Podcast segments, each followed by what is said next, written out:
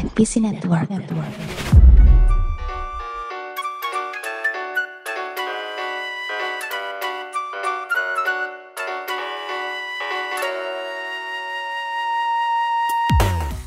Halo semuanya, Norman di sini dan kalian sedang mendengarkan spin-off dari Kicking Out Podcast. Serial animasi yang bakal gue bahas di spin-off kali ini merupakan animasi keluaran 2018 itu di winter kalau nggak salah ya kalau nggak salah ingat sekitar satu setengah sampai dua tahun yang lalu. Nah ini kalau kalian suka banget nih sama genre-genre slash of life gitu kan semacam Shigatsu wa Kimi no Uso, ya itu itu adalah slash of life yang sangat menyakitkan. Atau kalian suka banget sama animasi-animasi yang punya grafik wadaw memukau jiwa gitu, membuka mata. Kayak contohnya yang paling baru ini ada Demon Slayer dan yang versi lama tuh ada Fate Unlimited Budget, uh, maksud gua Fate Unlimited Blade Works. Nah, serial animasi yang akan gue bahas kali ini itu merupakan fusion dari kedua animasi tersebut. Jadi punya cerita yang sangat memukau hati ditambah dengan grafik yang membuat matamu menjadi sangat nyaman, maka lahirlah Violet Evergarden. Her existence had been kept hidden from everyone. However, some of the people who knew about her said that she was a weapon. She was just a tool without a heart. Violet Evergarden. You're still very useful, Violet. You can work. Right here. Will it be hard to sort the mail like that? All of us here at the Auto Memories Doll Service wish to thank you for coming in today. Violet, you know that, well, you know the war is over. I am the Major's tool. But if he doesn't need me anymore, then I should be discarded. Please discard me somewhere. Violet, listen. You have to live and be free.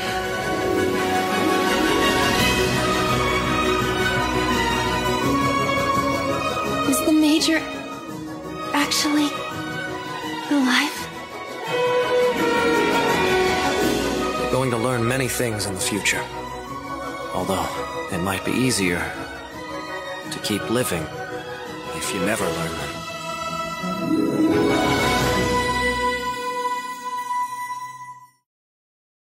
Sebuah serial yang dikerjakan oleh Kyoto Animation dan dibantu distribusinya oleh Netflix membuat si Violet Evergarden ini menjadi makanan manis yang kita makan setelah kita mendapatkan pil pahit dari Netflix. Ya, kalian tahu lah pil pahit itu apa? Death Note. Ya, hasil kan kualitas Death Note Netflix yang live action yang kemarin-kemarin itu yang membuat gue sendiri bahkan kayak hmm, oke, okay, not supposed to be here Netflix, sorry. Jadi bisa dibilang kali ini Netflix itu bertobat lah ya dari kesalahannya walaupun bukan pertobatan secara langsung karena dia hanya mendistribusikan uh, si Violet Evergarden ini. Jadi Netflix tolong dengan sangat amat bayar perbuatan kalian di Death Note-nya yang kemarin kalian hancur-hancurin itu ya. Tolong bayar perbuatan kalian. Bertobatlah kalian. Nah ini ngomong-ngomong soal Kyoto Animation, mereka sendiri tuh udah cukup berpengalaman dalam uh, mengurus serial animasi bergenre slice of life dan drama itu ini banyak nama-nama besar yang lahir dari mereka.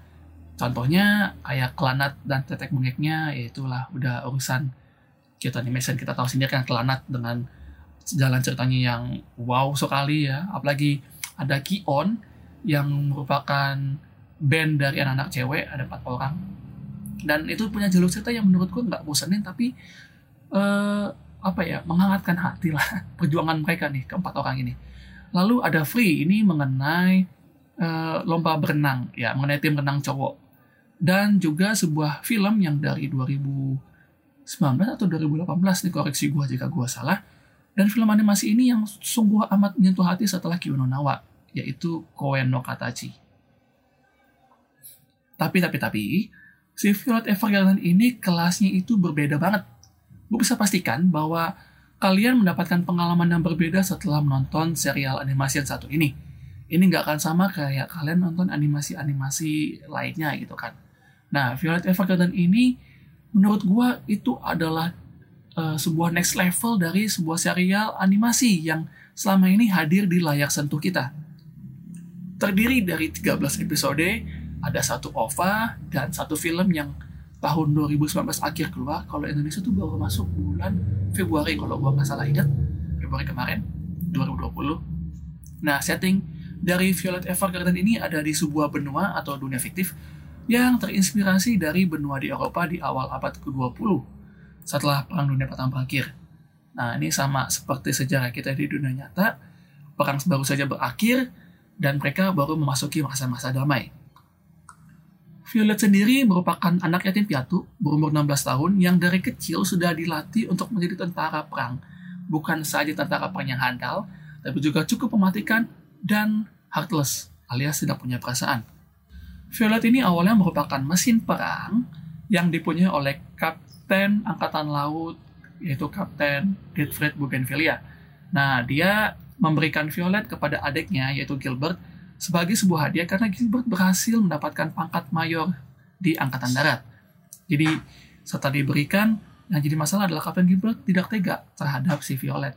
Jadi sepanjang hidupnya Violet kan dia selalu dianggap sebagai sebuah mesin perang gitu kan, sebagai sebuah suruhan boneka perang lah istilahnya, istilah gampangnya ya.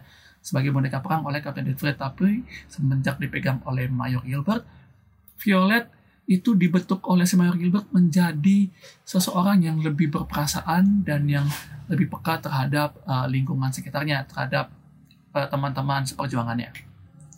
Suatu kali Mayor Gilbert mendapatkan sebuah misi khusus dari uh, petinggi-petinggi di Angkatan Darat untuk merebut sebuah kastil. Nah, yang jadi masalah adalah menurut mereka kastil perebutan kastil ini akan menjadi sebuah penentuan dari jalur atau dari arah uh, perang tersebut gitu.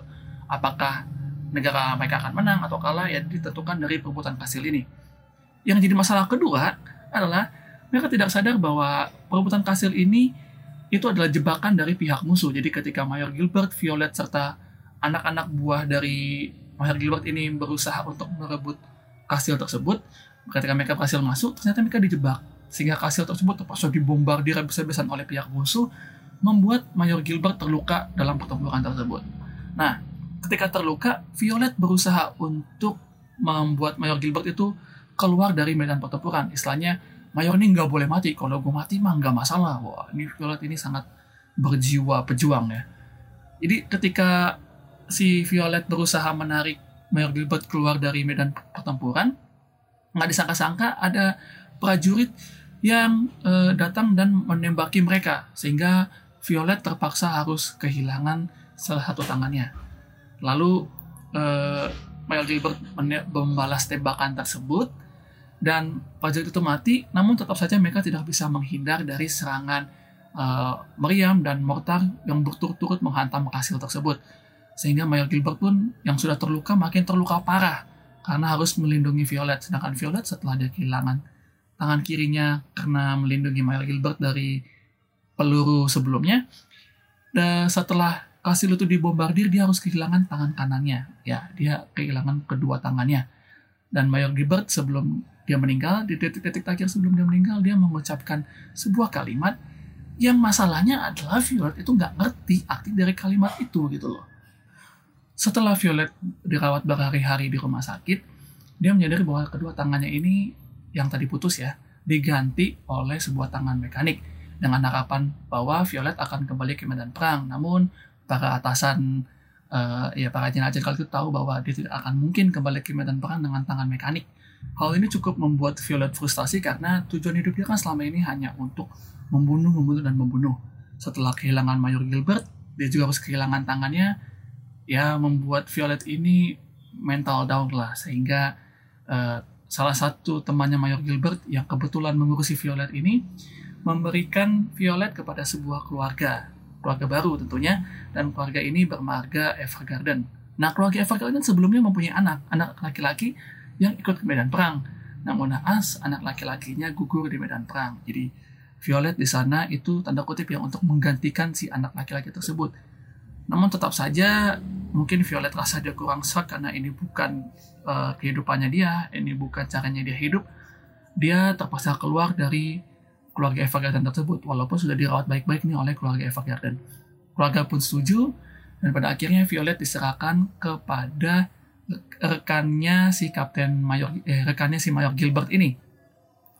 Dan kebetulan rekannya ini bekerja di sebuah apa sih istilahnya uh, kantor pos swasta yang bernama CH atau CH ya CH CH Postal Service. Dengan menggunakan tangan mekanisnya, Violet pada akhirnya memulai pekerjaan baru di CH Postal CH Postal Service ini.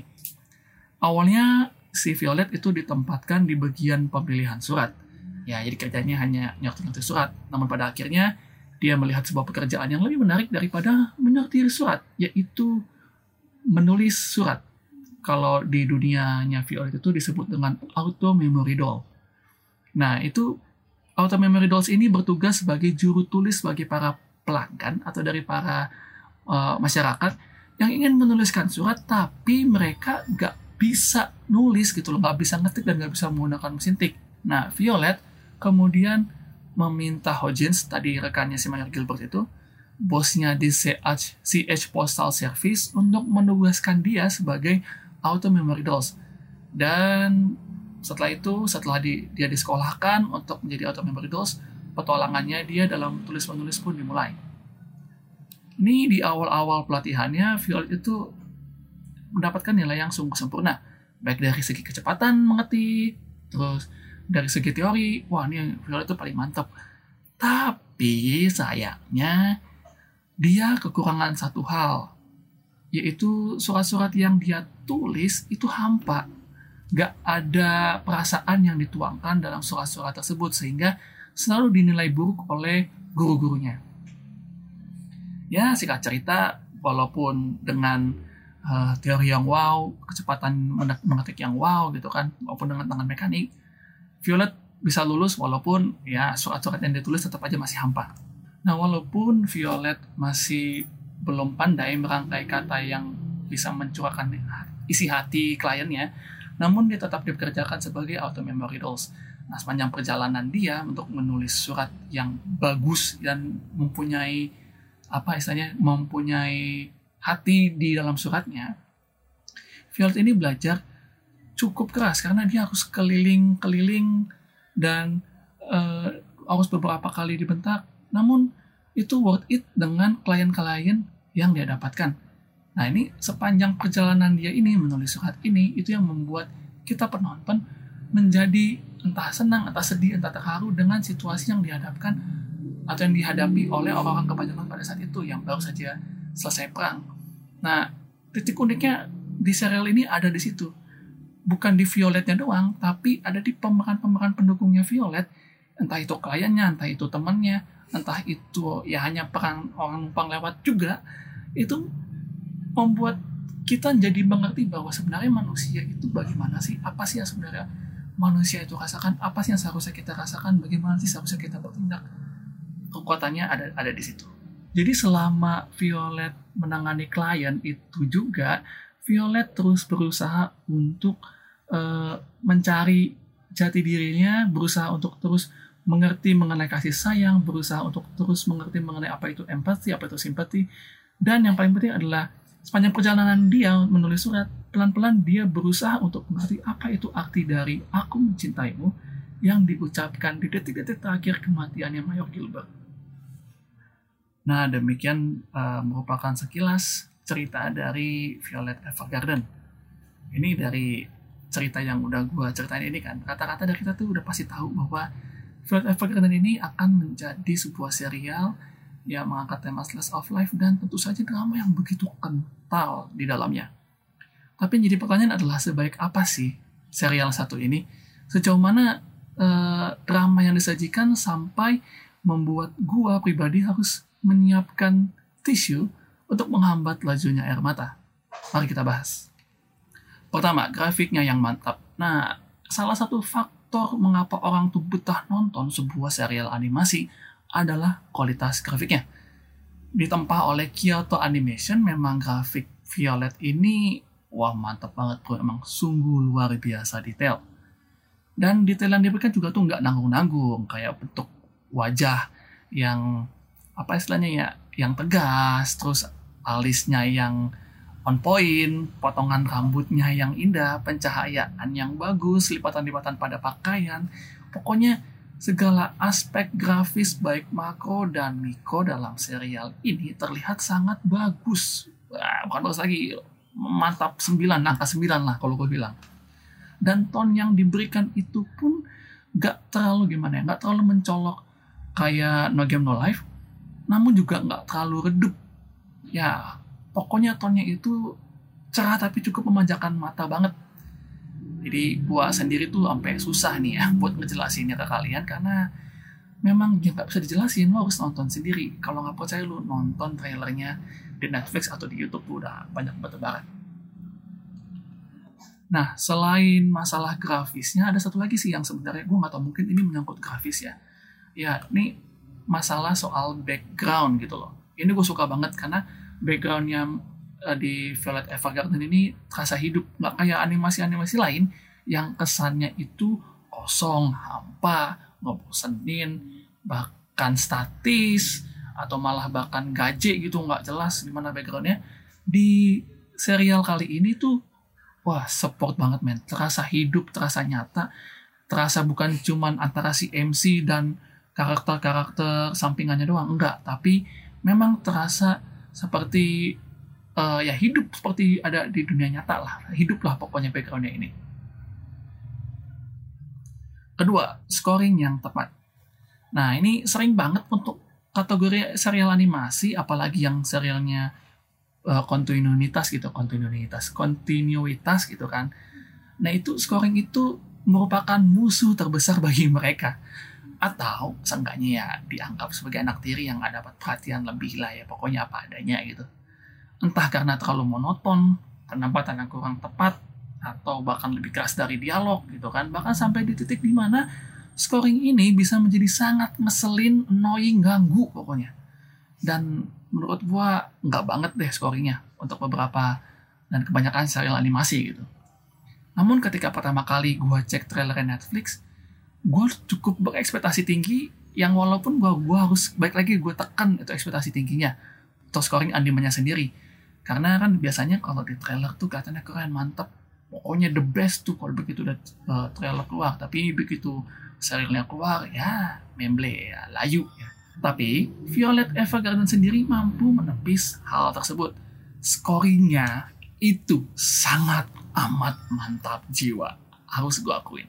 Kalau lo nggak percaya lo cek di YouTube lo cari OST Violet Evergarden lo dengerin semua scoring scoringnya merinding pasti dan itu bagus banget gitu loh menggunakan orkestra serta racikan-racikan lagu yang pas sesuai dengan setiap adegan yang ada di Violet Evergarden, maka gue pribadi berani bilang bahwa Violet Evergarden merupakan salah satu serial animasi dengan scoring terbaik yang pernah ada di uh, dunia animasi. Penempatan yang pas, racikan yang irgasm, tidak mengganggu, dan bahkan ada di titik di mana memaksimalkan setiap adegan yang ada. Ini yang jarang banget ada di dunia animasi Jepang. Ya mungkin kalau kayak Naruto atau Haikyuu gitu itu masih oke okay lah. Haikyuu juga menurut gue tuh masih bagus. Buku No Hero Academia itu menurut gue masih bagus dan sangat membantu memaksimal, memaksimalkan adegan yang ada. Tapi Violet ini ada next level dia sungguh amat sangat uh, apa ya udah memaksimalkan menyentuh lagi gitu kan bener-bener next level Gue berterima kasih kepada Kyoto Animation karena telah menetapkan standar baru dalam dunia scoring bagi animasi Jepang. Nah kalau kalau kalian pingin banget ya tahu scoringnya gimana tadi yang kayak gue bilang tuh lo cari aja di YouTube lo dengerin satu persatu musik-musiknya. Kalau uh, buat lo lo yang pada bangun pagi terus uh, mood kurang bagus, nah lo setel lah, setel terus scoring-scoringnya Violet Evergarden mood lo seharian tuh bakalan bagus. Pulang kerja juga lo style mood lo tuh di malam hari tuh bakal enak banget buat tidur. Mantap deh pokoknya. The best. Tiga penceritaan yang nyaman. Nah sering kali nih anime-anime atau serial animasi yang mengedepankan slice of life itu susah banget untuk membuat cerita yang bagus. Karena kan biasanya permasalahannya ya berkutat di itu-itu aja. Tapi Violet Evergarden dengan segi penceritaannya yang nyaman dan enak ini itu bisa dibilang paket komplit lah. Violet bisa meramu berbagai konflik yang diangkat menjadi satu tarikan kisah atau satu jalinan kisah yang utuh dan tetap nyambung gitu. Nah, kisah masa lalu Violet itu dibahas dengan dramatis, begitupun dengan usaha dia ketika harus bangkit dari masa lalunya.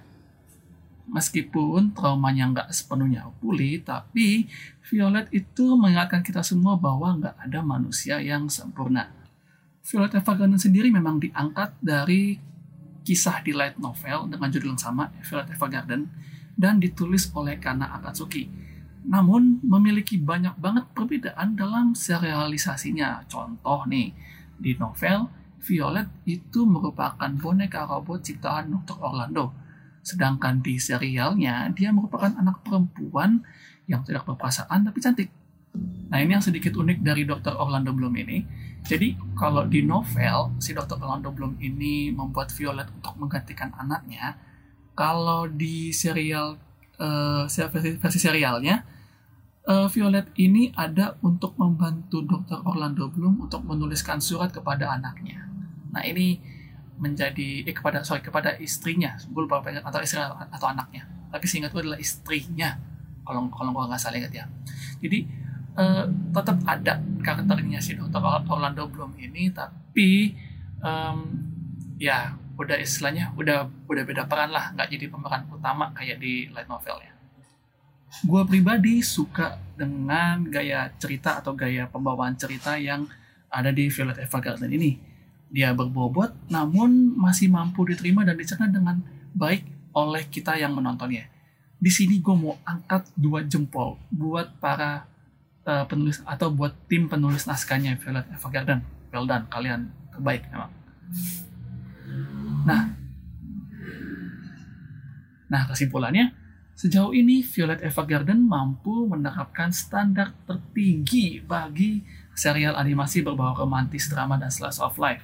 Dengan grafik yang bombastis, bagus, luar biasa, terus scoring yang juga nggak setengah-setengah, dianggap benar-benar serius, digarap benar-benar dengan sangat baik, sampai cerita yang mampu mengalir namun menyayat hati, serta perkembangan karakter pendukung dan utama yang sangat baik, membuat Violet Evergarden layak untuk masuk ke dalam jajaran nominasi serial animasi drama terbaik kalian. Skor dari gue, untuk sebuah serial animasi, Violet Evergarden layak mendapatkan nilai 9 per 10.